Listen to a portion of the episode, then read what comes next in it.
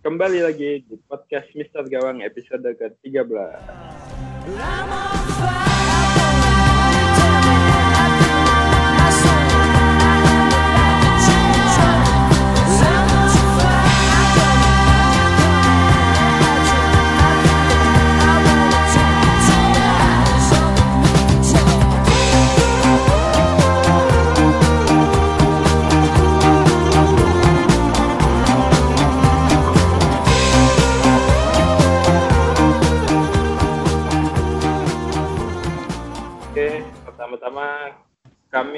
dari podcast Misal Gawang mengucapkan turut berduka cita atas musibah yang terjadi di Leicester ya.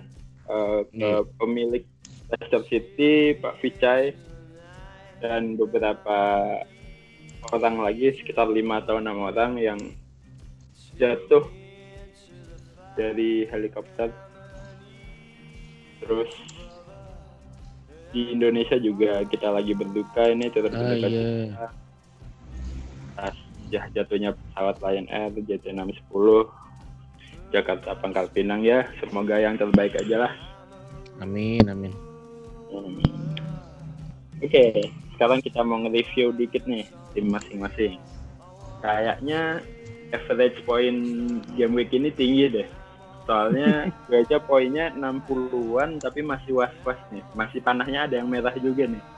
Gila-gila kalau gue sih poin 64 masih nyimpen 3 poin di cadangan dan ada Aguero dan Ederson nanti malah waduh ya lumayan lah. Bah gimana bah? Aman aman.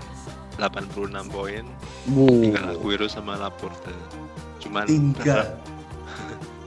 harapannya sih Spurs gak ngegolin sih. Harapan amin Om Bayu gimana? Ini pertama kalinya gue panah merah rata ya. Ini me- eh panah merah, panah hijau, panah hijau rata. Terakhir di Pandawa juga gue panah hijau walaupun cuma naik satu peringkat doang. Cuman ya disyukuri aja lah. 68 68 udah termasuk bench Wan Bisaka kurang Aguero sama Mendy. Ini berharap Mendy bisa ngelakuin sesuatu nih di kandangnya Spurs. Berarti tiga dari kita pasang Aguero dan satu defender City ya ini. Hmm. Nah, kalau Kang Hete gimana nih? Nah di Poin poin gue 64 kalau nggak salah. Masih ada sisa di bench bakal naik karena ada berapa? Ada tiga pemain gue kayaknya nggak main. Hazard, Robertson sama satu lagi siapa sih? Arnau. Baru gue transferin tuh. Arnau nggak main. Terus gue punya Sterling tinggal Sterling yang main jadi gue ngarepnya sih Kane nyekor hari ini biar clean sheet lu semua bertiga hilang hanyut di telan bumi semoga jadi gue jadi pendukung Spurs dulu lah hari ini. Ya, jadi di hari Senin ini biasanya kan kita ngebahas review ya, review dan beberapa pertanyaan. Kalau sekarang kita akan nambah satu segmen lagi, eh, yaitu ya kita ada segmen yang membahas sesuatu, membahas pertanyaan yang lebih mendalam. Jadi nggak sekedar menjawab aja. Jadi kita semua udah nyiapin ya dari tadi siang udah nyiapin bahasan masing-masing lah. Ya nanti kita lihat itu di segmen kedua. Segmen pertama kita masih sama kayak yang kemarin kita akan review dulu game week 10 kemarin walaupun masih sisa satu match ya nanti malam kita bahas dulu 9 ini. Siap. Yang pertama ada Brighton lawan Wolves 1-0 untuk Brighton. Gol dicetak oleh Glenn Murray di babak kedua ya. Di babak kedua. Ada Fulham versus Bournemouth 0-2. Bournemouth eh dua eh 0-2 tiga ya? tiga kosong tiga Oh, iya. Wah. Kontekannya salah nih. Ya. Pasal tiga yang golin ada Fraser dan Wilson Brace. Kayaknya pada punya Fraser sama Wilson sih. Jadi ya bahagia-bahagia aja nih pertandingan ini. Paling Mitrovic. Mitrovic tuh salah satu kekecewaan di game week ini ya. Ternyata main di kandang nggak jaminan buat dia gacor. Apa emang Fulhamnya lagi menurun? nggak pernah naik nggak pernah nanjak juga sih Fulham Iya, gitu-gitu aja. iya jadi gimana dong Lanjut kita. Wah ini ada match kesukaan Mbah nih. Liverpool 4-1 lawan Cardiff City. Yang ngegolin eh, siapa aja? Salah, Aneh, Sa- salah Syakiri. Mane Syakiri. Satu lagi siapa sih? Mane ya? Dua ya? Mane Mane, Mana dua, mana dua. Mane, Mane. Brace. Gimana komentarnya Mbah? tapi kalau dilihat matchnya sih babak pertama terutama Liverpool agak kesulitan ya. Agak kesulitan untuk membongkar pertahanan eh, Cardiff. harusnya. Cardiff. cuman momen itu terbuka untuk mencetak gol lagi ketika Cardiff mencetak gol 2-1 Hmm. pertahanan Cardiff sedikit terbuka. Itu momen untuk Liverpool untuk menambah gol sih. Beruntung aja sih karena Cardiff mencetak gol. Kalau mungkin Cardiff nggak mencetak gol mungkin seret golnya. Iya. Dan di sini juga kita melihat peran baru dari Firmino ya. Dia bermain sebagai nomor 10 ternyata di pertandingan ini. 10 ya, Heeh. kelihatan mainnya. dan ini sedikit membuat khawatir pemilik Firmino terutama saya apakah Klopp terus memasang Firmino sebagai nomor 10 atau memang karena taktikal di beberapa pertandingan terakhir aja sih? Cuman kita menarik untuk menyimak ini. Ke pertandingan keempat ada Southampton versus Newcastle. 0-0 tanpa gol. Ya Danny Ings yang kemarin gue jago-jagoin juga gabut dia. Cetak gol. Dan dari Newcastle juga Kennedy tidak berbuat banyak. Ya buat yang punya back Newcastle turut berbahagia. Mantap. Aman mbak? Man aman. Tapi sebenarnya ini tadi gue iseng lihat highlightnya si Sultan emang nyerang nyerang mulu sih cuy. Ya, Newcastle kayak nggak dikasih napas. Cuman ya kagak tembus-tembus kayak kayak yang udah kita bilang kemarin kan Sultan shootnya banyak banget cuman sampah semua nggak tahu ke mana. Calon degradasi itu Newcastle. bisa Enggak lah lah. bisa bisa bisa, Cuman- bisa. kan main di away fokusnya kan bertahan dulu lah. Iya. Yang penting aman dulu nanti pertahanan kuat dulu baru bisa nyerang sih kalau menurut saya. Masih aman lah Newcastle harusnya. Iya. Di tangan Benitez lah. Rafa. lanjut lanjut Lanjut ke pertandingan kelima ada Watford 3-0 versus Huddersfield. Lagi-lagi Watford panen yang punya Pereira, uh, Deulofeu, tapi sayangnya Holebas nggak main ya Holebas. Aduh, golnya itu ya luar biasa golnya Pereira ya. Itu gila men, itu full skill anjir. iya bawa sendiri. Iya, Gila. gocek-goceknya gokil tuh. itu kayak yang yang apa yang jaga gak niat itu kayak Makanya si gimana ya, kayak pemainnya si Huddersfield kayak lupa nekel anjir. Iya, bengong ke- gitu. Iya. dan yang menarik ya tampilnya lagi Isaac sukses ya Wah, dan ngegolin golin sukses. Yoi, pertunjukannya selalu ini ya, selalu membawa hasil. iya Sukses sukses. Dua kali inti ya berarti ya dia dan Iya, udah Iya, dua kali main main full. Hmm. menarik sih ini kalau misalnya dia bisa sampai menjaga tempatnya 4,5 jadi striker ketiga Hmm, cakep mbah. Indah itu mbah. Tengahnya bisa meleduk gitu ya. Hmm. Uh, match ke-6 ada Leicester satu-satu melawan West Ham. Di sini yang mau ngelihat duel antara Jamie Vardy dan Arnaud Taufik, ya ternyata mereka berdua tidak main ya. Fardi main, cuman cuman satu babak masalah Fardi. Iya, nggak starter ya. Hmm, Enggak starter. Gue nih baru transferin Arnau tuh nggak ngehe kan bangsat lah. Kemarin transferin Sterling gak main. Sekarang gue transferin Arnau nggak main juga nih bangke lo semua nih anjing. Berikutnya ada Burnley 04 melawan Chelsea. Yang dicari pertama Hazard yang jelas ya. Tapi tidak ada Hazard. ternyata masih sakit Hazardnya. Terus ada Middlefield baru nih yang menggantikan sinarnya Hazard yaitu Barkley. Ya, Yoi. Barkley yang ngegolin ada Morata, ada William. Ya, Barkley dua ya. Barkley, Barkley, William, Morata. Satu lagi siapa ya? Loftus-Cheek. Loftus-Cheek. Iya RLC. Oh iya, ada RL, RLC. Oh, itu juga kemarin Iya, di Kak. Liga Hat-trick Eropa hat-trick ya. Hat-trick. Yoi. Kalau untuk Barkley kita bahas nanti deh.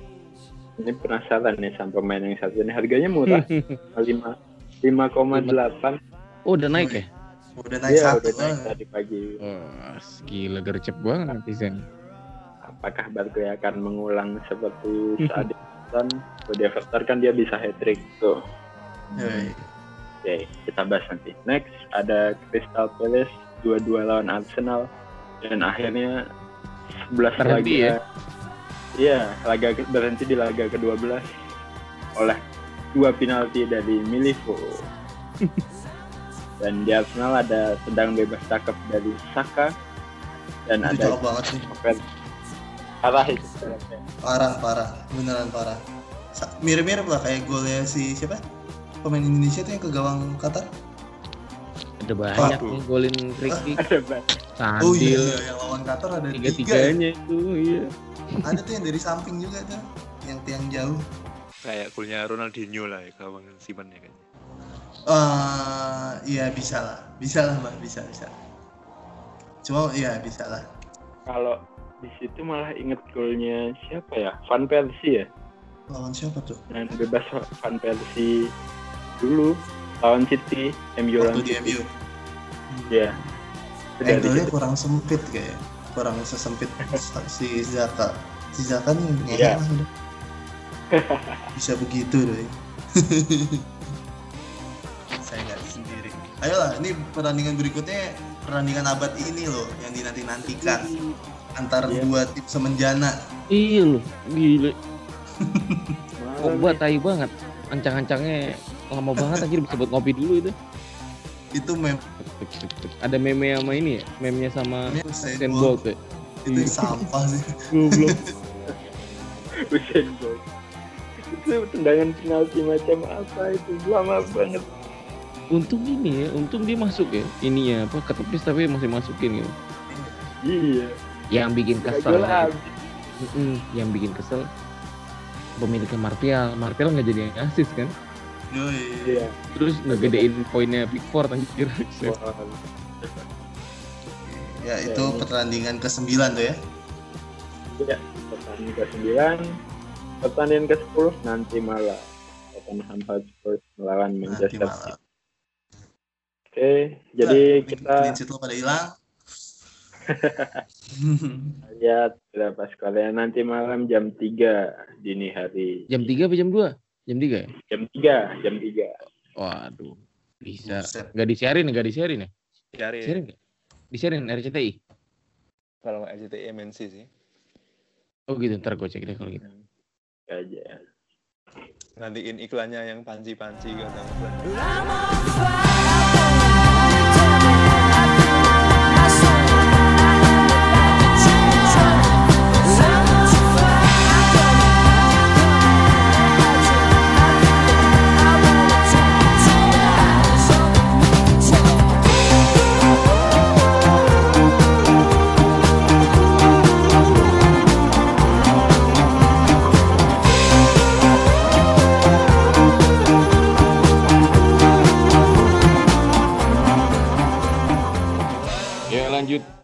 podcast Mister Mister Gawang ke segmen 2 nih. Sekarang kita punya segmen baru nih di Mister Gawang. Kita ada ada ada clue atau apa ya? Bukan bukan saran, bukan panduan juga sih, tapi ini obrolan kita, diskusi kita. Kita mau ngobrolin satu gelandang FPL yang harganya 7,5 juta ke bawah. Wah, tapi potensinya untuk game week 5 game week ke depan bagaimana? Itu. Yang kedua, kita punya untuk jajaran striker yang harganya 7 juta ke bawah untuk potensi sama 5 game ke depan Nah, di sini gue punya nama nama-nama beken nih, sih nama-nama beken. Tai. Gelandang dulu ya, kita bahas gelandang dulu ya. Iya iya iya, main tengah dulu lah. Untuk gelandang yang poinnya paling tinggi dulu ya. Poin paling tinggi ada di Fraser. Fraser tuh dia berapa poinnya Fraser? Fraser poin. Fraser jumlah poinnya 62. 62 ya. 62. Gimana komentar kalian tentang Fraser? Fraser nih pemain Bournemouth, dia sebenarnya bagusnya dari dari musim lalu tapi musim ini makin kelihatan karena Bournemouth sebenarnya nggak nggak banyak perubahan ya dari musim lalu ya. Cuma nambahnya Defu, Defu juga kagak pernah dimainin aja, dimaininnya sebentar Iya, doang. Iya iya. iya. Gimana kalau kalau si Fraser gue sebenarnya kan dia dari awal musim start apa eh, udah sering nyekor ya. Iya. Eh, maksudnya udah udah kita udah digoda berkali-kali sebenarnya sama dia kan untuk ayolah masukin gue gitu. Hmm. Gue sampai saat ini belum pernah beli doi Wow. dan sekarang pas lagi pas lagi pengen ngelihat fixturenya males ya kan fixturenya ngehe banget gitu ketemu Iya, MU ketemu MU ketemu Arsenal ketemu MC ketemu Liverpool itu semua dalam 6 game week dia harus ketemu empat tim-tim ngehe itu Eh, agak enggak sih kalau gue sekarang kalau gue buat gue yang nggak punya gitu ya ya gue akan milih ke tempat cari tempat lain aja lah walaupun potensinya dia tetap gokil sih harganya berapa 6,1 kalau nggak salah harganya Oh, udah naik. 6,1. Ya. Buset. Dia harga awalnya naik. 5,5 lah, 5,5. Fraser. Yoi, makanya terus dia udah berarti berarti udah tiga kali tiga gol 5 assist tiga gol 5 assist 4 clean sheet makanya gokil sih untuk harga segitu statistiknya Fraser ini dia masuk ke untuk musim ini ya. Musim ini dia masuk ke most big change created. Dia 11 kali dia ngebuat peluang emas nih, peluang emas yang akhirnya bisa jadi gol. Terus dia juga masuk ke most assist. Lo kalau perhatiin assist itu udah 5 men. Yoi, itu paling banyak banyak ya Paling banyak, paling banyak saat ini. Jadi ini juga pengaruh karena Bournemouth menangnya juga sering banget menang di atas 3 gol. Kayak pernah dia Leicester dia 4 gol. Terus Iya. pas ke Burnley dia kalah yang ke Bantai kan terus Watford dia 4-0 terus kemarin Fulham away dia 4-3 gol juga jadi potensi ber, ber ah, potensi Bournemouth juga lumayan nih Mbah ada komentar Mbah untuk Iya sih, cuma mirip sama Pak Erik sih. Untuk misalnya yang punya Fraser sih mungkin tahan, ya. cuman yang untuk belum punya kayaknya agak berat ya. Karena Jangan- jangan dulu ya. Oke. Kalau kita lihat ke belakang lagi, lawan Bournemouth kan di awal-awal musim nggak terlalu berat. Bisa dikatakan cukup seimbang, kecuali lawan Chelsea.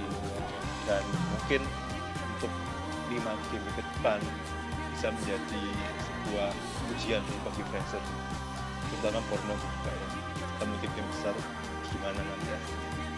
Lanjut ke gelandang sensasional selanjutnya ada Roberto Pereira. Dia asli Argentina Pereira ya? Asli Argentina. Eh, lumayan sih kemarin dia dia, dia bagus banget. Kombinasinya sama Deulofeu Huges juga. Deulofeu ternyata main di gelandang serang men. Huges di kanan Pereira di kiri. Terus di belakangnya sukses eh di depannya sukses mereka cepet-cepet tapi sukses tuh sebenarnya nggak nggak apa ya? Nggak Nggak. sukses. Ah nggak nggak nggak. Kalau gue bisa bilang dia nggak terlalu ngimbangin tiga tiga pemain belakangnya tiga pemain di belakang ini tapi coba kalau ada di ini ya beda beda cerita ya. Gue berharap sih di ini bisa lebih lebih better daripada sukses ya. gimana yang lain menurut kalian? Ya tadi pemain yang pertama Fraser, yang kedua Pereira nggak masuk radar sih. parah ya. Kalau Fresh, ya ya walaupun gacor ya tapi hmm, rasanya nggak nyaman aja kalau untuk Middlefield eh, harga-harga segini kalau fixturnya kurang enak. Eh, karena belum jaminan fixture terus gitu loh. Kalau Fraser kan kemarin sebenarnya udah ke cover dan kalau Pereira sekarang walaupun di jadwalnya itu dia dua dua dua ya tingkat kemudahannya itu dua dua Newcastle away Southampton away tapi ngelawan mereka away itu nggak gampang untuk mencetak potensi sheet-nya Newcastle sama Southampton tuh cukup tinggi kalau misalkan dia main home. Jadi Pereira sebenarnya recommended jika dibandingkan dengan pemain Watford yang lain. Jelas jelas jelas. Cuma kalau untuk 5 game week ke depan sih kalau gue sih avoid ya. Maksudnya sama kayak Fraser kalau memang belum punya ya nggak perlu dibeli dulu masih banyak pilihan yang mendingan di harga segitu dan kalau sudah punya ya ya bisa dikit lah paling nggak dua lagi dua match lawan Liverpool bisa di dibuang dulu ganti yang lain sepakat sih gue sama Pereira kayaknya konsepnya masih sama sama si Fraser tadi ini sebenarnya gini Pereira itu kan meledak karena di partai pembuka dia langsung bikin dua gol gitu ya lawan Brighton kalau nggak salah iya yeah. Mm-mm. Habis itu blank, terus habis itu di game ketiga dia bikin gol lagi. Udah hype-nya naik tuh. Tapi habis itu udah dia nggak ngapa-ngapain tuh. Ada berapa? 4 atau 5 game week nggak ngapa-ngapain. Gua rasa sih ini uh, buat orang yang udah terlanjur punya ya selamat menikmati gitu ya. Uh, point return, attacking returnnya balik lagi dia bikin dua gol ya, ya dua gol dalam dua game week terakhir cuman kalau yang belum punya sih ya lu udah gak ikut hype nya nggak usah kayaknya nggak usah nyemplung sekarang sih fixturenya juga kurang enak lah agak kurs. Bener kata Kang Cis tadi Newcastle sama Soton lumayan kuat di home. Terbukti mereka berantem aja hasilnya kosong-kosong di mata kemarin ya. Mau nambah sedikit nih. Gue gue baca di sosmednya Watford. Jadi dia salah satu panditnya Watford ngomong Watford sekarang tuh bersyukur mereka punya dua dua pemain yang bagus banget sebenarnya. Pereira sama Deulofeu. Kenapa? Karena sebenarnya mereka berdua ini technical player apa salah satu pemain yang punya teknik bagus selama dia nonton Watford. Si Panditnya pengen ngomong kayak gitu. Terus nggak hmm. ya?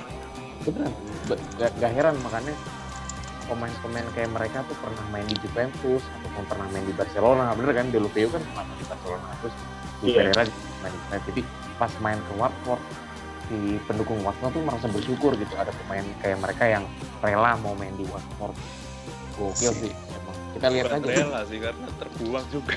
Iya itu sebenarnya kebuang kayak gak, gak ada pilihan itu mereka apa kalau masalah kayak Pereira pernah di Juve terus si siapa? Deulofeu dipinjam Everton balik lagi dibeli sama siapa? Uh, Barca ya? Barca. Terus dijual lagi. Gue rasa sih mereka pemain kebuang sih dan kelasnya emang di situ-situ aja gitu. Apalagi kalau di LVW ya maksudnya dia udah pernah main di Premier League. Udah beberapa musim gitu walaupun ada yang pernah dipinjemin main di Milan juga kemarin ke Milan. Hmm. oh iya Milan. Hmm. maksud gue kayak nah, levelnya emang di situ sih menurut gue. Masa segitu doang ya? Ih, kayaknya ya kalau menurut gue ya. Cuman ya mungkin udah cukup buat Watford sih. Kalau mau berantem berantem di papan tengah sih ya cukup lah lanjut ke gelandang lain nih. Di harga tujuh setengah juta ke bawah kita punya skill Garden ini scoutnya FPL langsung. Nah, scout FPL langsung sampai ngomong nggak ada midfielder di FPL yang ngegolin lebih banyak dari Garden di 6 game terakhir. Dia Garden udah golin 5 lu bayangin 5 lu bisa cek lah. dari 6 game week ya? Iya dari 6 game week terakhir. Itu gokil sih si Garson dan dia sebenarnya bukan bukan OOP kan dia emang main di, di tempat yang dia seharusnya main gitu dan yang serang. Ada yang mau nambahin soal si Garson uh, kalau misalnya kita ingat kan si Gerson ini kan dulu waktu dia di Swansea ya dia memang yeah. primadona ya sebenarnya. Cuman kan kalau misalnya kita lihat ke depan ke sekarang ini ketika dia pindah ke Everton kita harus milih nih apa Richarlison atau Sigurdsson apakah kita rela untuk dua slot mid kita dipakai untuk mereka berdua? Kan enggak seharusnya ya. Yeah. salah satu. Nah ini namanya di sini sih kalau menurut saya. Untuk saat ini. Ataukah Richarlison ataukah Sigurdsson oke okay. itu nanti bisa dibahas pas kita bahas secara jelas setelah ini ya. Ada komentar lain nggak? Oh nggak usah, digabung aja sekalian Oh, Wilson. Satu tim ini. Ada yang mau nambahin nggak, Kang Cis? Sekalian Richarlison. Kalau si Godson sih di empat game week terakhir dibanding dengan yang lain dia set on targetnya yang paling banyak 8 8 set on target di empat match terakhir terus memang untuk kreativitinya juga paling tinggi di empat match ya rata-rata sih rata-rata kreativitinya itu 40 Hmm, sebenarnya memang dilema sih antara Richarlison sama Sigi. Kalau gue sendiri sekarang masih Richarlison. Kenapa? Karena memang hmm, lebih murah ya. Richarlison lebih murah. Dan Richarlison itu posisinya lebih menyerang sih. Lebih berbahaya. Cuman Sigurdsson dia menangnya dia megang penalti spot penalti pertama Everton tuh kan nggak ada bench nih, nggak ada bench di Sigurdsson. Jadi emang sulit sih milih antara dua ini. Apakah mau dua-duanya Everton diambil? Nggak mungkin sama tadi. Enggak. Jadi memang kalau memang pilih salah satu ya sama pusingnya kayak kita milih Aubameyang Lacazette ya yang mana nih nanti kita pilih yang A yang B gacor kita pilih yang B yang A gacor ya FL memang begitu tapi secara statistik gue akuin emang si Kurtson bagus bagus banget Si Richarlison ini baru main di posisi striker tengah itu di tiga game terakhir ya? Iya nggak? Iya, tiga. ya Iya, ya iya. Bener ya, tiga game terakhir. Jadi ini ya, gue gue kasih perbandingan nih. Jadi banyak orang bilang Richarlison katanya lebih baik main di samping. Sebenarnya kalau kalau kalau menurut menurut pandangan kita gitu, sebenarnya dia dia pemain yang sama. Jadi dia dia nggak berubah. Dia tetap tetap bagus, tetap bisa punya peluang. Cuman emang dia belum dapat peluangnya benar-benar bagus aja buat dia golin gitu. Kayak di contohnya di di ini total poinnya ya total poinnya saat dia main di samping main di samping itu dia 23 poin dari 40 dari 4 games. 23 poin dari 4 games. Terus pas dia main di up front di pemain depan dia dapat 13 poin dari 3 games. Sebenarnya beda 10 poin ya tapi 10 poin itu misalnya bisa kebayar kalau misalnya emang dia nanti lawan Brighton golin.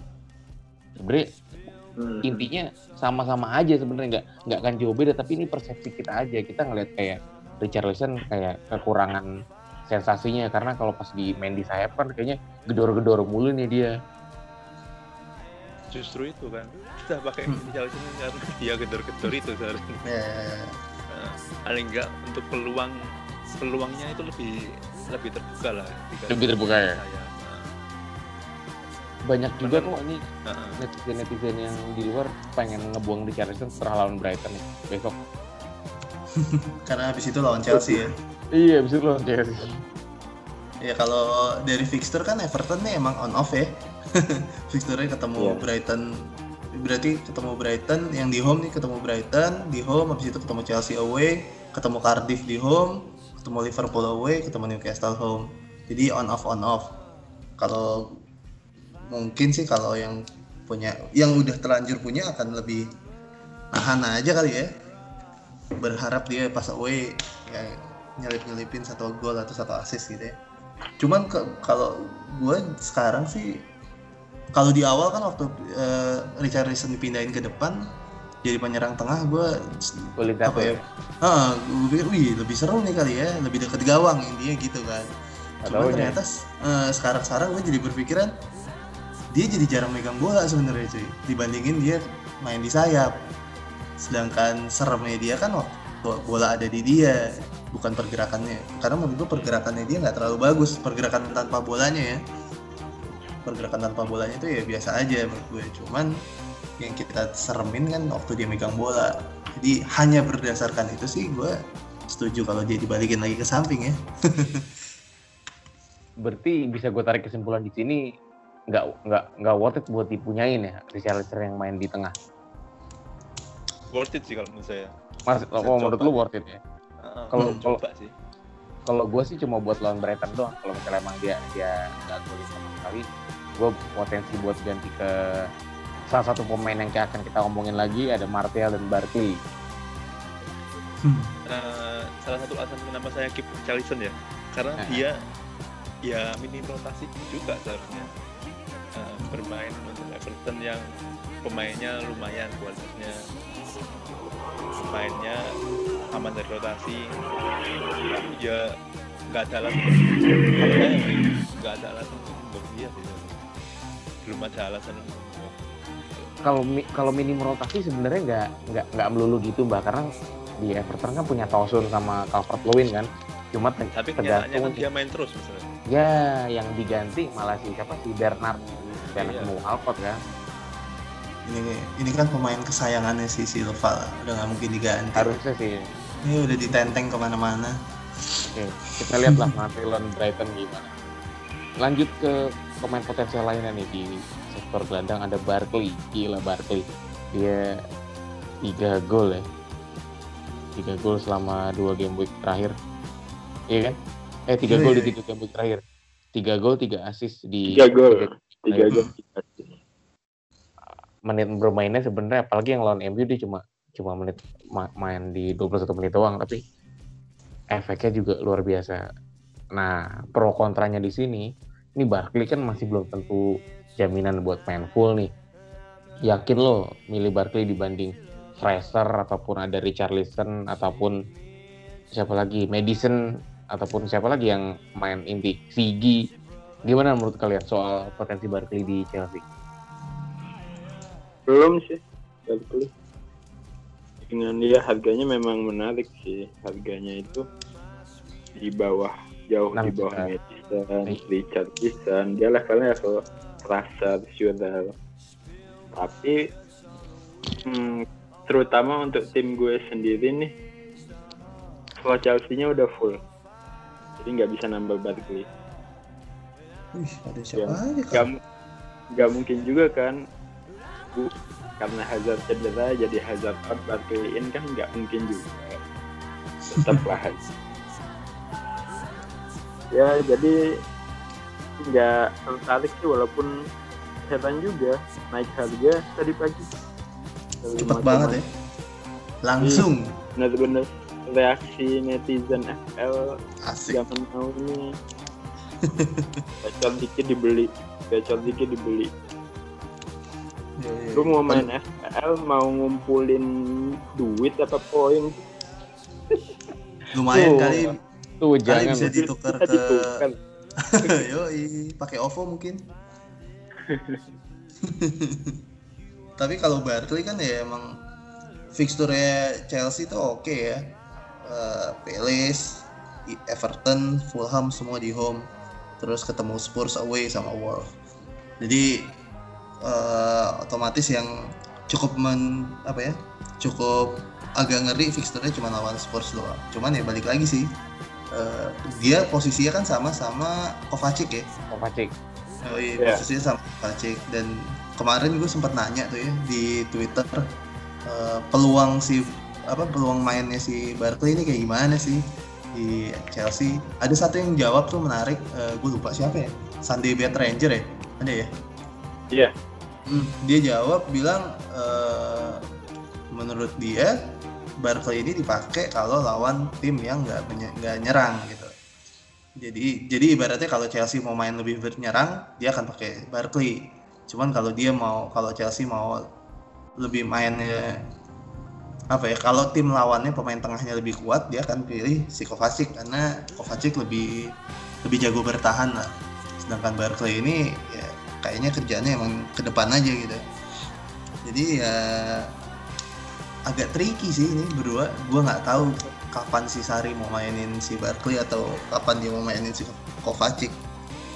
Cuman kalau punya uang lebih dan niat mau jadiin si Barkley pemain ke apa midfield ke 5 atau ke 6 eh ke 5 atau ke 4 Empat. monggo sih. Tapi ya pastiin aja eh, pemain masih ada satu midfield lagi yang pasti main. Kalau tiba-tiba dia nggak main Denzel naik. Gitu. Dan Barkley. yang menarik sebenarnya dari pertandingan kemarin sorry nambahin nih eh dia bikin apa ya, passing completionnya tuh 94,8 cuy. 94,8 persen. Itu paling tinggi di Chelsea kemarin lawan Burnley.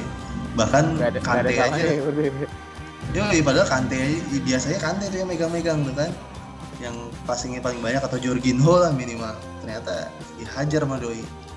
Ya peluangnya gede cuman emang serem di game time nya aja. Si Barkley ini. 5,8 nya itu loh kayak bikin pengen kan.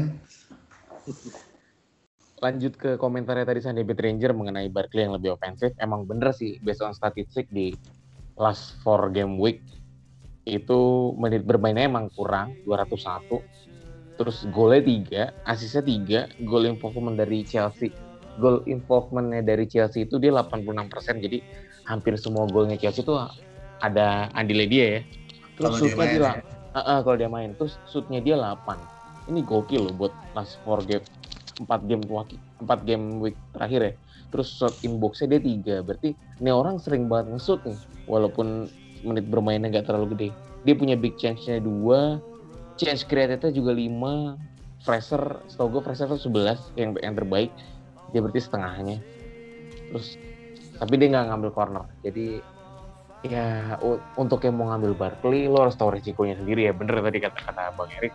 Paling nggak lo siapin gelandang kelima lo yang bisa dimainin lah waktu misalnya Barkley nggak main ataupun ya Bar- Barkley nggak main ya misalnya gitu ada lagi yang menambahin Barkley nambahin dikit sih. Mungkin karena kepemilikannya sangat sedikit ya. Buat yang apa namanya yang sudah peringkatnya mungkin sedikit aman mungkin agak bisa mengabaikan. Tapi untuk yang ingin mencoba peruntungan yang overallnya rendah-rendah mungkin bisa sih peruntungan ambil peruntungan di sini 3,4 ini menurutku sampai game week 5 eh game week game week 11 bisa 5% paling nggak? ya? 5% ya palingan ya. 5 sampai 6 persen. sampai kapan game week 11 Heeh. nggak tahu juga Kem- kemungkinan sih menarik sih bisa- meskipun 5% pun menarik sih seharusnya masih Kalau masih masih masih ini masih bargain banget. Heeh, heeh. Benar benar benar. Tapi kalau Lanjut kita ke- lihat anu, apa? Sari, Sari kebiasaannya kan kita bisa lihat patokan dia mainin siapa kan dari Liga Eropa sebenarnya. Liga Eropa dia pasang siapa, pasti berikutnya beda lagi. Iya, Tapi kemarin Barkley main di Eropa, main gak dia? Nggak tahu. nggak tahu kok kalau ya nggak perhatiin Bar wait wait wait. Barkley. Barkley harusnya sih main ya Barkley ya. Hmm, Nggak tahu sih, nggak perhatiin. Cuman kayak beberapa pemain disimpan Alonso disimpan, terus Jorginho kan disimpan kemarin, ya Kante juga. Bisa bisa bisa jadi sih itu. Hmm. dia buat rotasi ya. Salah satu patokannya sih salah bukan harus menurut itu enggak sih. Salah satu patokannya kita lihat di Liga Eropa. Patokan lainnya feeling masing-masing. Yoi, sama jangan lupa bakar menyan. Lanjut ke, ke pemain selanjutnya nih. Ini pemain yang paling paling hot menurut gue ya. Asik. Karena itu Manchester United. Mengangkat ini kepalanya. Wih, Tony Martial. Tony Martial ini Iya. banyak, banyak, banyak disebut sebagai wah pemain yang best talented atau segala macam lah sama mandip di luar sana. Padahal banyak juga netizen netizen FPL yang nge nge-like dia misalnya kayak ah, pemain terbaik masa golnya baru dikit segala macam lah. gitu. Ada komentar gak nih? Gue gue mau tanya Bang Erik. Bang Erik tuh ngeliat Martial gimana bang? Hmm, dari musim lalu d- dari pertama dia main lah ya. Main datang ke MU tapi terus dibanding bandingin sama Rashford gue selalu suka Rashford. Martial sih. Nggak gue selalu lebih suka Martial dibanding Rashford. Rashford sama-sama mentah sih ya sama-sama mentah masih sama-sama masih mentah tapi nggak tahu kenapa gue lebih suka Martial sih. Ya cuman dia kan berarti ini udah terakhir tiga game ya tiga game di IPL dia udah bikin berapa? Empat gol ya? Satu gol eh, iya empat gol. Empat gol bener. Mm-mm. Eh, udah lumayan lah dia nyelamatin mukanya si Mourinho ya. Udah beberapa kali walaupun sebelumnya sempat ditai-taiin mulu sama Mourinho. Cuman kan emang Mourinho tipikalnya kan begitu ya. Uh, ngasih semangat ke pemain tuh dengan anjing-anjingin gitu ya. Salah satu yang berhasil kan si Luke Shaw ya yeah. setelah dianjing-anjingin berapa musim ditai-taiin akhirnya sekarang main lancar ya mungkin ini bisa kejadian juga sama si Martial Martial hmm, walaupun dia sebenarnya dribblingnya itu banyak belepotan ya cuman entah kenapa bolanya balik lagi mulu ke kakinya Martial ini masuk ke jajaran pemain-pemain top yang minutes per golnya tinggi. Yang pertama kan Hazard nih. Menit hmm, 667 hmm. golnya 7. Kedua Aubameyang, Aubameyang 7 gol juga. Dia mainnya 6, 694 menit. Ketiga Guero 6 gol, 648. Keempat Martial 441 4 gol.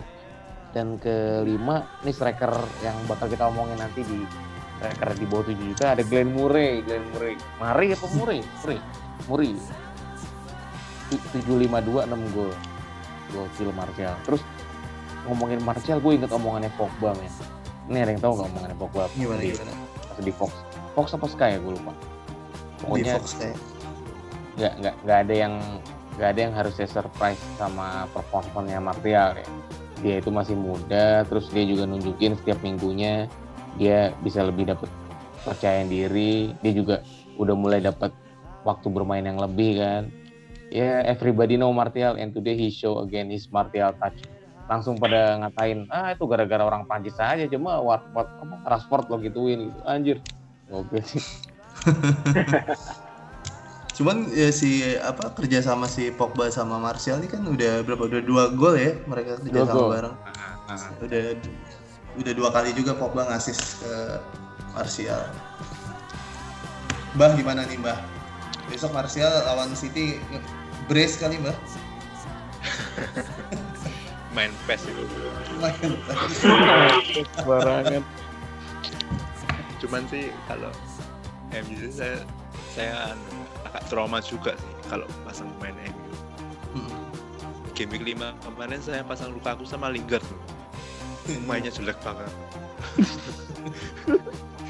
langsung dua game ke depan uh, berikutnya saya buang langsung nggak ada harapan soalnya cuman sih yang menarik sih karena ini momentumnya Mourinho untuk untuk nggak keluar musim ini ya. Jadi mungkin Martial udah dikasih kepercayaan dan dia sudah membuktikan otomatis harusnya Mourinho tetap masih kepercayaan ke Martial sih harusnya ya?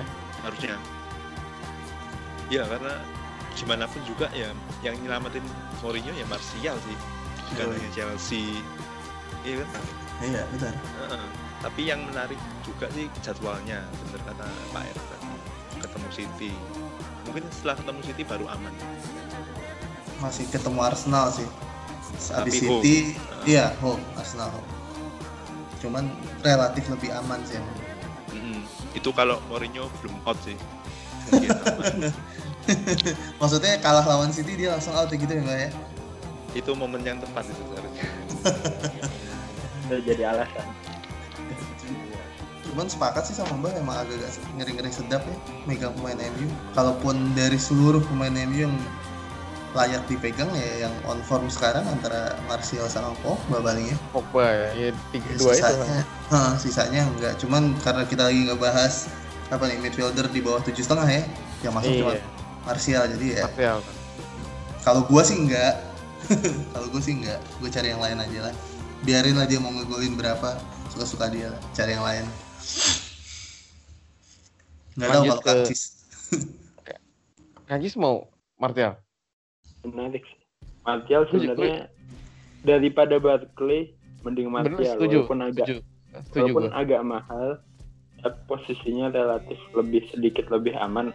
Aku masih nggak tahu kalau misalkan Sanchez sama Lukaku udah balik ke permainan aslinya apakah Martial tetap dipasang apa enggak Super tapi untuk sekarang sih untuk sekarang sih Martial worth banget. Dengan harga segitu bisalah bersaing sama Sigurdsson, Madison, Richarlison. Buat yang butuh pemain MU yang ya kalau Pogba sebenarnya dia pegang penalti dan harganya lebih mahal. Tapi pasti main juga. Cuma kalau misalkan masih takut gambling sama MU silahkan ke Martial aja deh. Martial tuh kemarin kalau misalnya dia lagi dribble ya, itu bawaannya kayak, ayo lu mau ngapain lu, mau ngapain lu. Lewat, golin, lewat nyuting, kalau ngoper gitu. Beberapa kali banyak kan operan-operan dia yang hampir berhasil. Nah, iya. bagus sih permainan saya Lumayan, lumayan ha. Eh, dan saya berharap juga sih kalau misalnya Martial sama Sanchez main bareng Sanchez nomor 9 Martial Aduh. kiri Cakep banget tuh mbak, Sanchez nomor 9 mbak. Kayak di Arsenal kapan lalu kan musim Iya, iya. Iya, iya. Itu paling cakep tuh. Masalah Mourinho berani apa enggak membuang Lukaku yang sekarang gemukan Yoi. mbak ini selalu perhatian sama bobot ba- bobot Iya. tubuh pemain bola ya. Dini dibilang kurusan. Iya, iya, iya. iya. Lukaku Tadi salah katanya potong rambut. ya. Gorengan. iya mau salah potong rambut itu Mau salah potong rambut mbak nih selalu ini loh. Hati loh. Ikuti. karena bisa mempengaruhi mood pemain kan sebenarnya kalau potong rambut wah seger gitu kan Keranjut. Anjing, seger. Ranum. pas kiri juga rambutnya gak nganggu mata juga Iya, iya, iya, iya. Ada lagi nggak nih pemain dari berapa tujuh setengah midfielder? Pa- paling terakhir sih Madison sih. Madison tapi kayaknya ya kayak tadi gue udah bilang nggak fair kalau misalnya kita sebut Madison tuh nggak perform. Cuman emang dia nggak bisa deliver poin yang bagus buat para manajer yang punya. Nah karena jadwalnya enak menurut kalian Madison diapain ya enaknya kalau saya keep. Tapi kalau buat beli nggak ya? Beli udah mahal sekarang tujuh ya udah Iya, mahal Nggak- nggak kan? beli. Udah mahal sekarang. Kalau beli Karena- jadi nggak worth it. karena orang orang mikirnya nih jadwalnya enak banget kali ya udah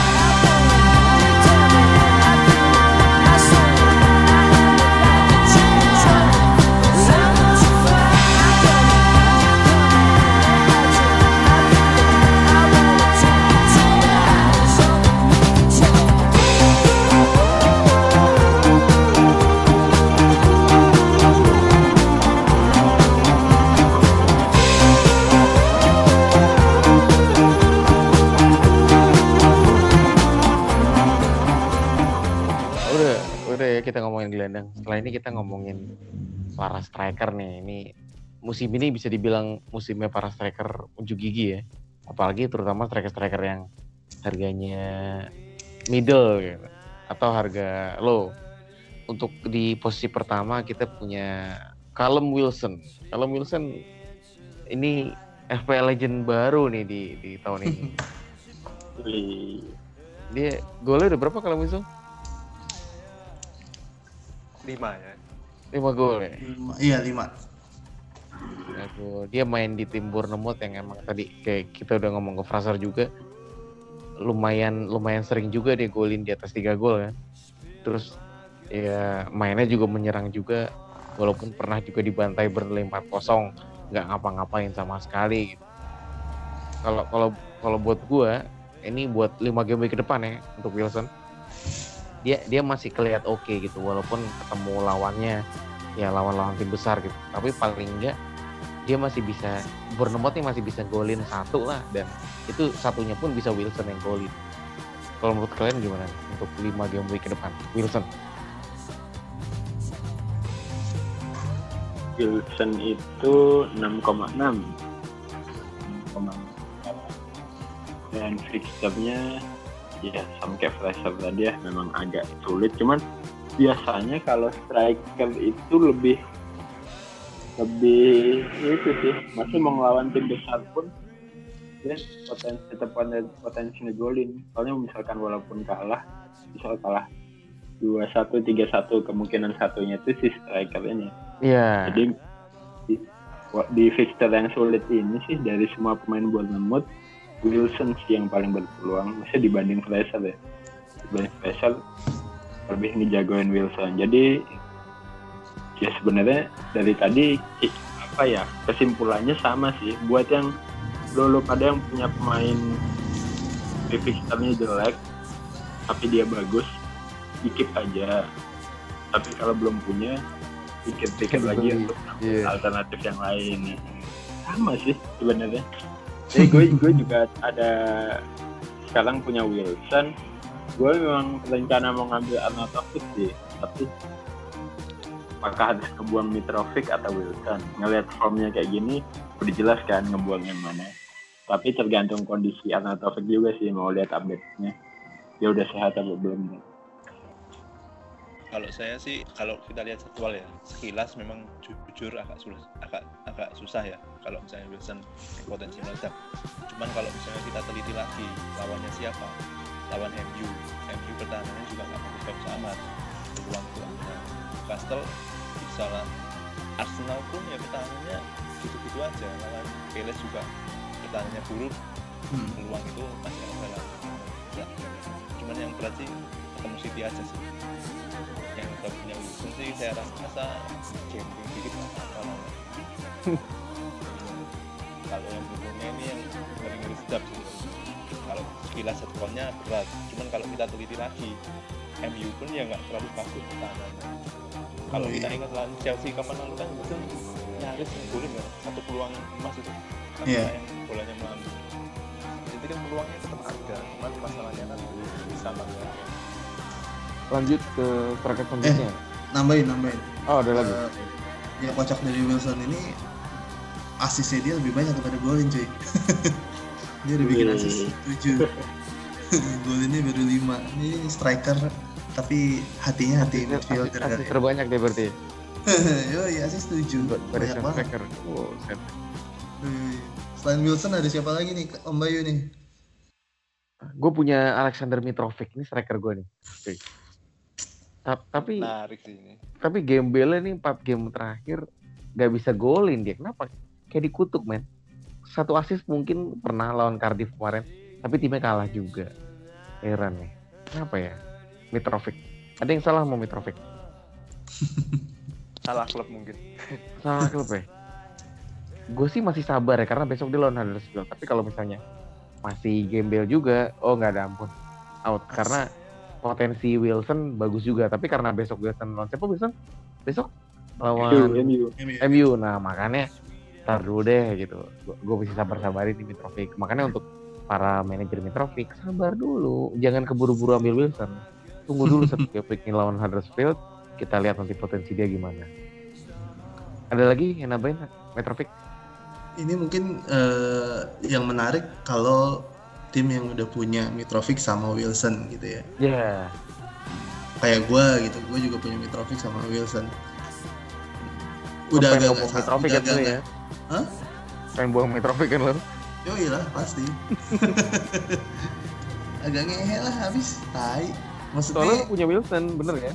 iya gue punya Wilson jadi gue kayak sudah apa ya eh, di bracket harga striker harga 6 tuh kayak gue udah gue udah nyerahin ke Wilson aja lah yang lain gue cari aja yang entah lebih rendah atau sekalian yang mahal gitu kayak gitu sih kalau gue nggak tahu kalau mbah gimana mbah mbah masih ada Mitrovic oh udah nggak ada ya belum pernah punya sih Sar.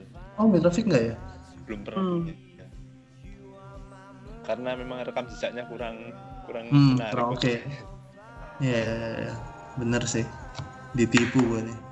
Kang Cis tuh. Cuman gue berarti yang punya Mitrovic Wilson ya? Enggak.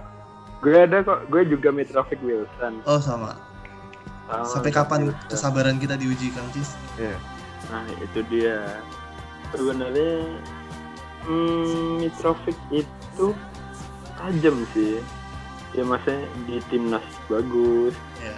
Cuman memang dari empat pertandingan terakhir dia mainnya agak beda sih. Agak ada ada ngilang gitu. Paling mending pas lawan Arsenal. Walaupun Ya. nggak ngegolin, tapi itu paling mendingan dibanding lawan Everton, Cardiff, Bournemouth kemarin beneran. Waduh, ini kenapa Mitrovic? Jadi actionnya nih kalau untuk punya punya Mitrovic sama Wilson, gue tertarik sama Arnautovic yang ya di harga yang sama jelas belum dibahas ya Arnautovic ya nanti pas bahas Arnautovic. Bang Arnautovic tuh lebih jelas sih maksudnya dibanding bahkan dibanding Wilson sekalipun jadi kuncinya West Ham itu ada di Arnautovic kontribusi golnya itu emang dari Arnautovic cuma kema kemarin malah sakit ternyata. Jadi apakah Mitrovic akan dikit satu game week lagi berhubung lawan Huddersfield juga? Atau memang begitu? Karena West Ham lawan Burnley nih. Om, Yoi. tetapi kalau gue udah sembuh. Jadi actionnya ma- masih tergantung kondisi Arnold Taufik. Lu punya Arnold Taufik bang? Punya Lik? Iya, gue punya tiga-tiganya nih, Mitrovic, Arnaud Taufik, Iya, sama gua- Wilson. Pecah nggak tuh kepala? Jadi lu ngorbanin itu ya, ngorbanin premium striker ya? Iya, iya. Hmm. Hmm, Gue ada di tabungan masih banyak, jadi gue ada bisa bisa bisa Ambil ini. ah, gue masih bisa buang salah satu di antara tiga ini dan nyikat luka eh, apa Aubameyang itu masih masih masuk atau Firmino. Cuman ya itu gue tadinya emang nyiapin untuk ngebuang Mitrovic di sini sih. Jadi gue pakainya tinggal si siapa? Eh, Wilson sama Arnau. Gitu sih. lanjut ya. Hmm? Lanjut ke stri- striker selanjutnya nih. Nama Glenn Murray muncul nih di jajaran top score. Dia Wih. 6 gol. Padahal padahal Brighton ya terseok-seok juga Brighton. Ya semua golnya dari dia nih. iya. Semua gol dari dia bener. Nggak Dari mulai yang MU, M- MU dia dia golin. Terus yang men- menang lawan West Ham dia golin juga. Menang lawan Wolves dia golin juga. Yoi. Setengah lebih lah. Eh, si Brighton udah bikin 11 gol sama ini. Si berapa Murray berarti udah 6 kan? Udah, setengah, udah setengahnya tuh dia. Dan dia udah ngasih eh, belum pernah ngasih sih. Emang pelit berarti doi. sombong dia Emang sombong gak mau bagi-bagi. Gimana Mbak? Masih percaya si Murray jago kandang apa enggak nih? ya kalau lihat statistiknya iya ya Iya jago kandang. tapi kalau saya sih gini sih kalau penyerang-penyerang harga-harga ini kan ya biasa lah ke mana sih? Kalau kita punya satu mungkin saya tahan. Tapi untuk diganti sama-sama yang eh, penyerang harga harga sepantaran saya sih melihat jadwal. Dan jadwal Ben Murray itu seharusnya oke. Seharusnya oke. Cuman kalau berdasarkan faktanya dia selalu mencetak gol di kandang nggak gol ini kan ya ngeri ngeri ya seharusnya apalagi kalau kita lihat Brighton itu justru kuatnya di pertahanan seharusnya. Iya. Mm-mm. kalau segi penyerangan sih masih perlu diuji lagi lah kalau saya.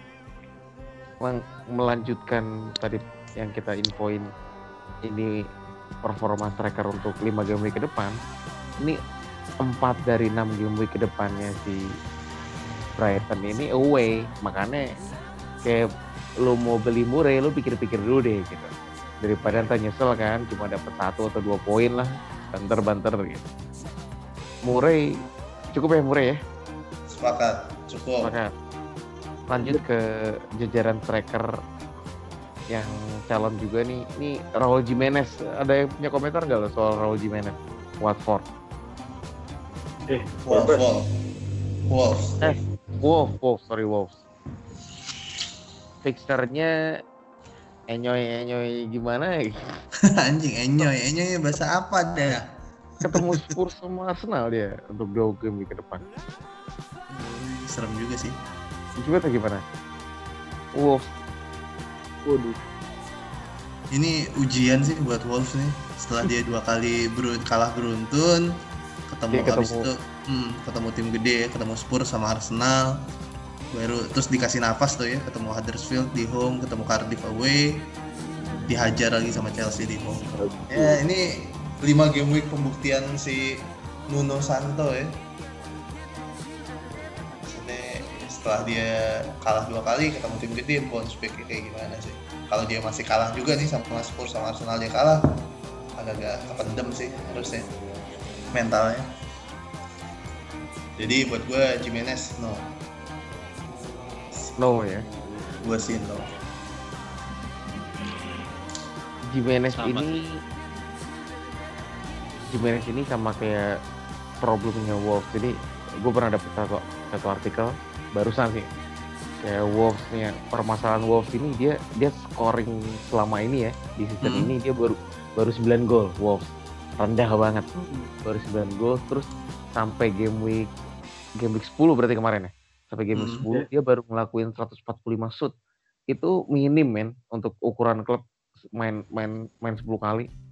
Gol per Hmm. shootnya itu 16 kali 16 kali. Terus shoot on targetnya cuma 46 gol per shootnya itu cuma 5,1 terus yang yang lebih mengherankan lagi lo tahu namanya Helder Costa nggak di striker Hmm. striker depannya?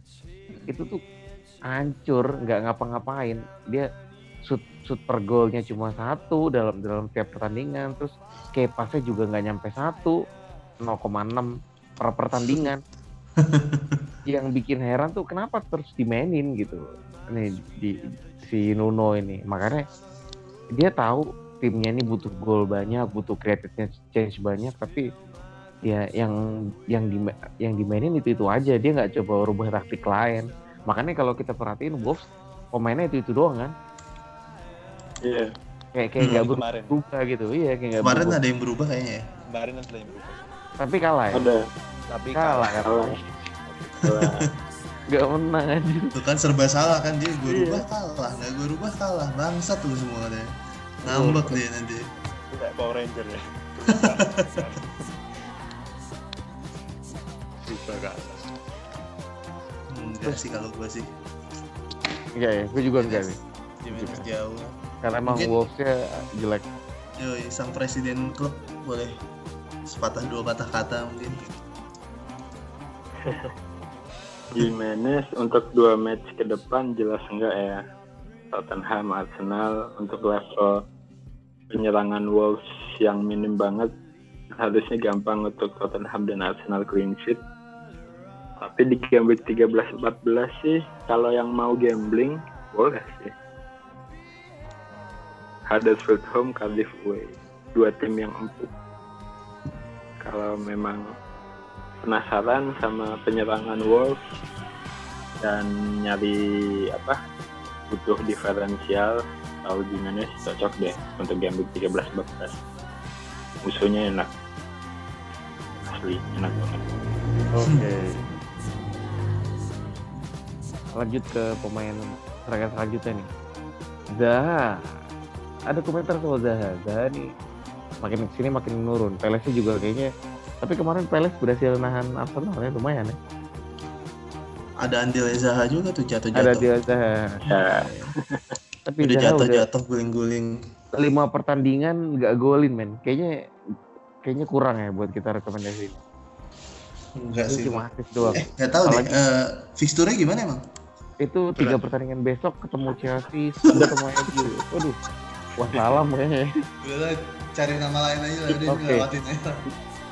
langsung nama terakhir Arnautovic semua ini Ini, coba dilihat fixture-nya Hmm. hijau-hijau royo nih.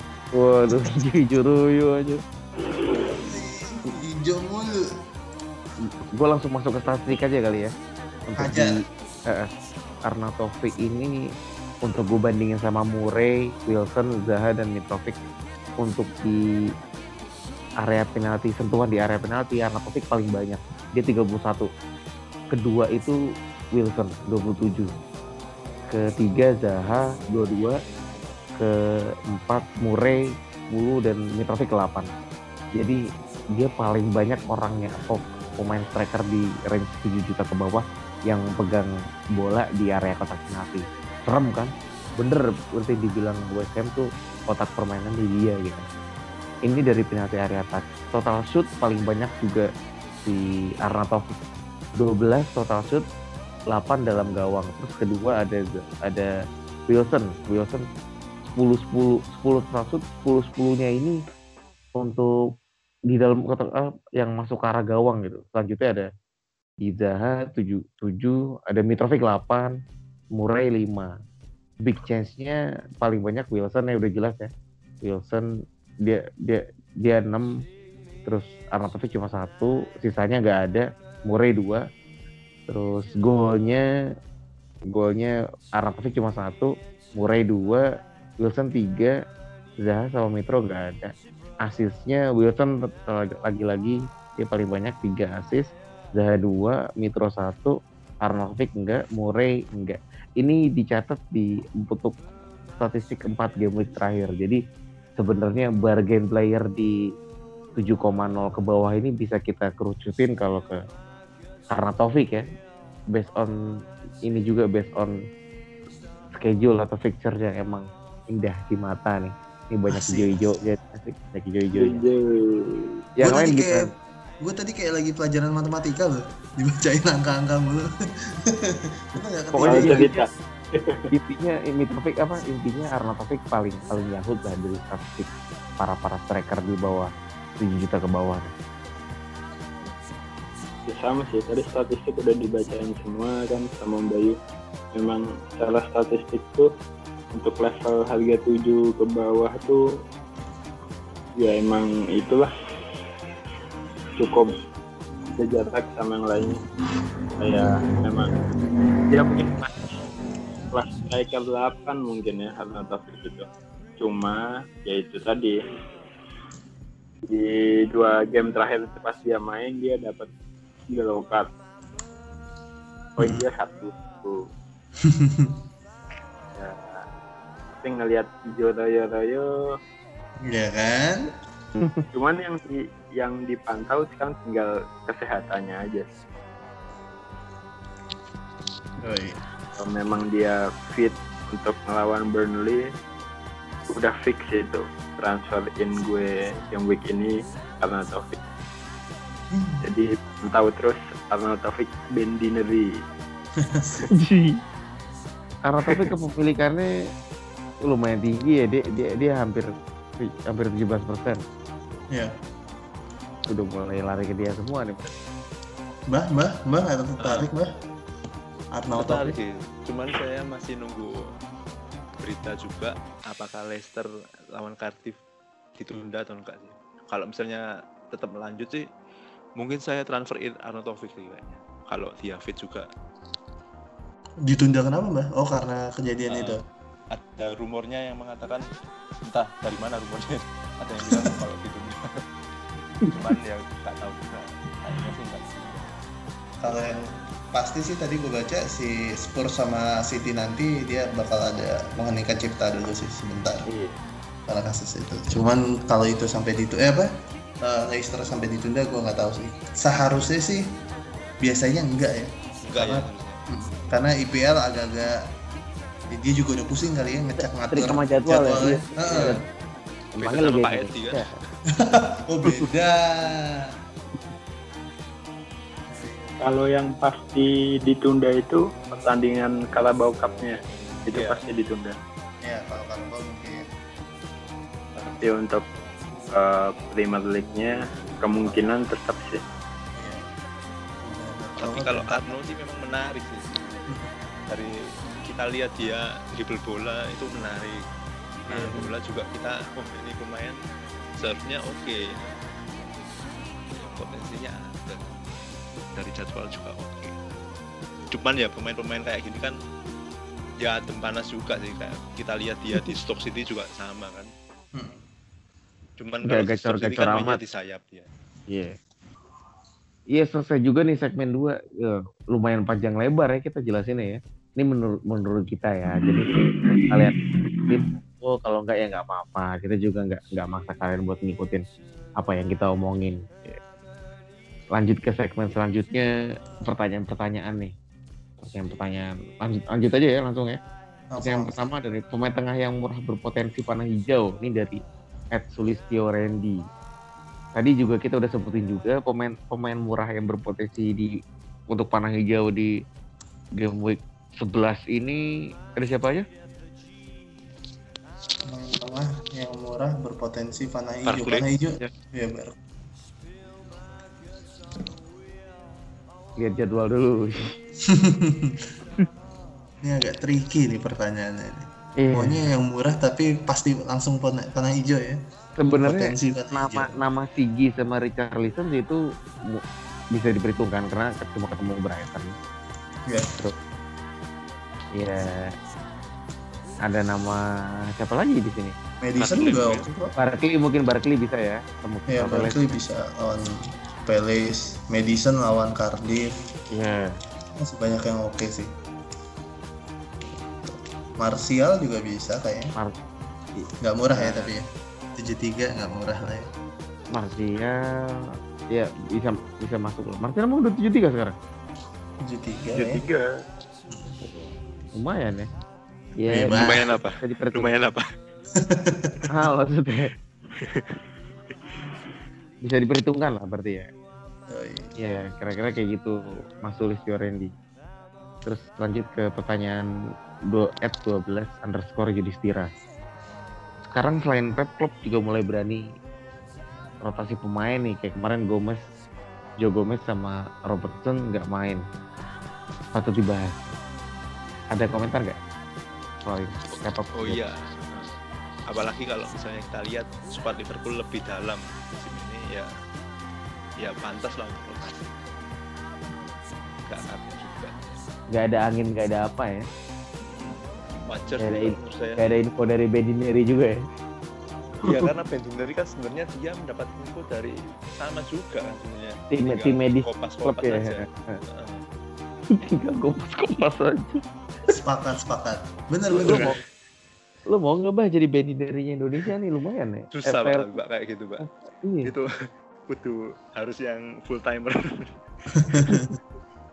Saya memang pen- penting sih Bendineri penting. Cuman kalau misalnya kita pingin lebih cari tahu lagi sih sebenarnya banyak sih kayak kayak wartawan-wartawan lokalnya di sana juga. Betul. Cari info. City Watch masuk gak City Watch? Masuk sih. Masuk ya. Heeh. Anfield Express juga masuk seharusnya. Iya. Kalau Cuman yang kemarin agak buat heboh ya, yang siapa yang nge-tweet itu? Adminnya, adminnya Anfield Express yang Adrian itu bilang kalau yang main sama kayak waktu match oh lawan iya, Liga Champion ya, ternyata lain. gue baca tuh, gue baca tuh. Ah. Iya. Wah, itu langsung di delete postnya dia. Oh gitu. di delete. Gila. Tuh. Yang nyebarin hoax nggak bukan orang Indonesia doang kok. Padahal kalau kita kita amati rekam jejaknya juga oke sebenarnya. Dia musim lalu juga ngepost ngepost eh, line up sama semua. Cuma Oh, gitu? kemarin iya dibohongin berarti dia mbah sama narasumber ya mbah. dibohongin orang dalam ya. Dibohongin orang dalam. Berarti Cuman kita kalau- bisa Kalau Kenapa, boleh nambahin si si Ro- Robertson nih, Robertson juga dari game week 1 main terus kalau nggak salah kan ya. Iya. Jadi emang ya mungkin dia butuh istirahat. Berarti murni strategi ya, strateginya Klopp ya. Dia memang mau nyoba si Moreno. Mumpung lawannya Iya, gua rasa sih lebih ke situ sih. Mungkin karena lawannya eh, apa sih, apa sih kemarin? Cardiff. Eh, Cardiff. iya lawan Iya. Cardiff. Iya, jadi lawan Cardiff. Cardiff gitu. Mm-mm. Tapi Gua nggak tahu sih lebih nya ke situ sih. kejebolan di sektornya Moreno kayaknya cukup sudah ya karirnya Moreno di Liverpool. Ya lumayan lah buat tambal sulam. Iya, buat nambel-nambel nih kalau lagi Robertsonnya butuh istirahat, boleh lah. Ya, Selama masih menang mah aman ya. Jadi jadi pertanyaannya memang harusnya nggak usah kaget untuk rotasinya si Liverpool itu sendiri kecuali kayak ya Mane salah itu mah emang invisible sih kecuali cedera gitu karena si mau nggak mau pasti butuh lah si Klopp nggak mungkin kayak, kayak contohnya kayak Barcelona nggak mungkin cariin Messi kan jadi itu aja sih Kemarin nggak main kemarin. El Clasico tuh. Messi. Itu dong. kan cedera Cedera. cedera Nggak main aja 5-1. makanya itu tiap gol diri anjir tiap gol diri tiap gol diri Gue padahal ngarepin uh, Madrid menang 6-5 yang golin menit 90 Ramos gitu. itu Ramos kesel banget anjir kalah nih malu Iyalah. El Clasico. Lanjut lanjut lanjut. Iya lanjut untuk pertanyaan dari D underscore main 04 The Main 04 Bournemouth lagi suram jadwalnya. Keep atau lepas aset-asetnya ini udah udah kita jawab juga di di yang sebelumnya tadi. Kalau emang kalian punya keep aja. Tapi kalau misalnya emang mau beli tahan dulu lah. Atau di dipikir-pikir dulu gitu. Tahu resikonya masing-masing. Ini berlaku untuk Prasar, Wilson, King, Brooks siapa pun lah pokoknya. Di pemain di Bournemouth. Lanjut, Martial bagus diambil sekarang atau habis lawan Manchester City. Terus Murray juga kapan nih diambilnya? At gigih underscore PML. Ada yang mau jawab? Ya walaupun gue emang nggak berencana ngambil Martial dalam waktu dekat nih, tapi ya ambil aja sekarang kan MU juga ngelawan Bournemouth kan, Bournemouth juga istilahnya defense-nya memang gua di pertandingan terakhir eh di pertandingan terakhir lagi bagus, cuman uh, ada rekam jejak dibantai juga kan, jadi untuk tim kelas MU sih nggak masalah tuh. Diambil aja. Toh juga kalau derby melawan Manchester City kan wah, kalau derby itu mau matchnya sulit semangatnya pasti beda deh. Jadi ambil aja kalau memang kalau memang berniat mau ambil Martial ambil aja. Terus kalau untuk Murray berhubung dua match selanjutnya main away mending nanti aja sih. Tapi kalau emang udah kebelas ya ambil aja.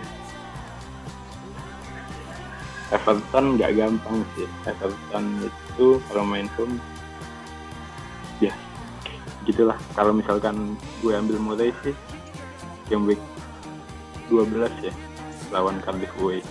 Itu away tapi mendingan lah sepakat kalau mau ngambil Murray ya siap-siap aja ngambilnya di home aja pas away juga pas home beli lagi gitu-gitu aja terus Jadi semua jasa transfernya dipakai untuk satu pemain. dan cuma seekor Murray lagi kan sampah Mure. Ada yang mau nambahin? Udah cukup ya? wow, udah banyak Lanjut ke Pertanyaan, pertanyaan terakhir nih. At R underscore Praditya.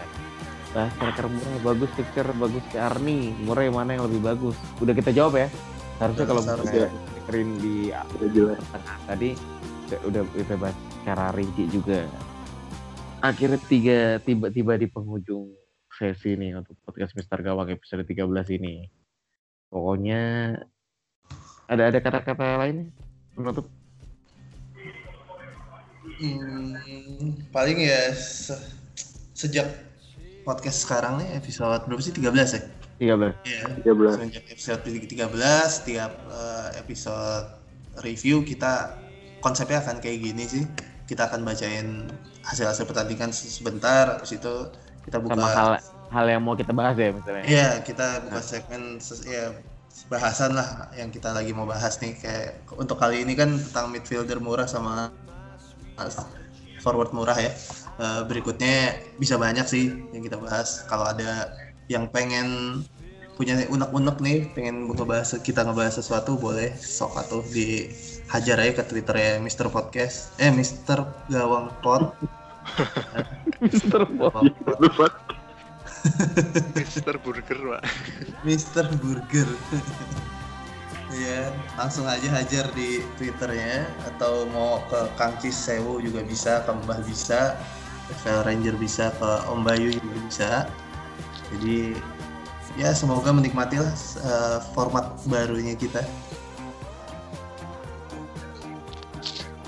Tambahan dikit sih, cuman untuk yang pengen tahu cara paling gampang untuk mengetahui pemain main apa enggak sih follow band Dineri ya. Cara paling gampang Ya. tahu pemain itu citra apa enggak. Siap. Musuhnya Bendineri cuma si botak ya, sama kasusnya Mendy. Ada Sekarang sama klub juga.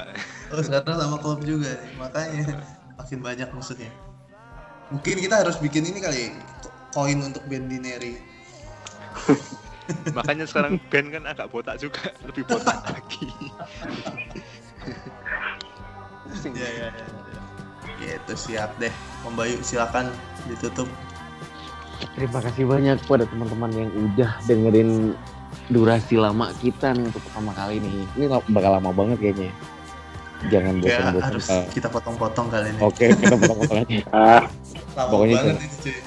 Jangan bosan-bosan untuk untuk komen ke kita, terus kasih saran, kritik dan lain-lain. Kita bener buka open.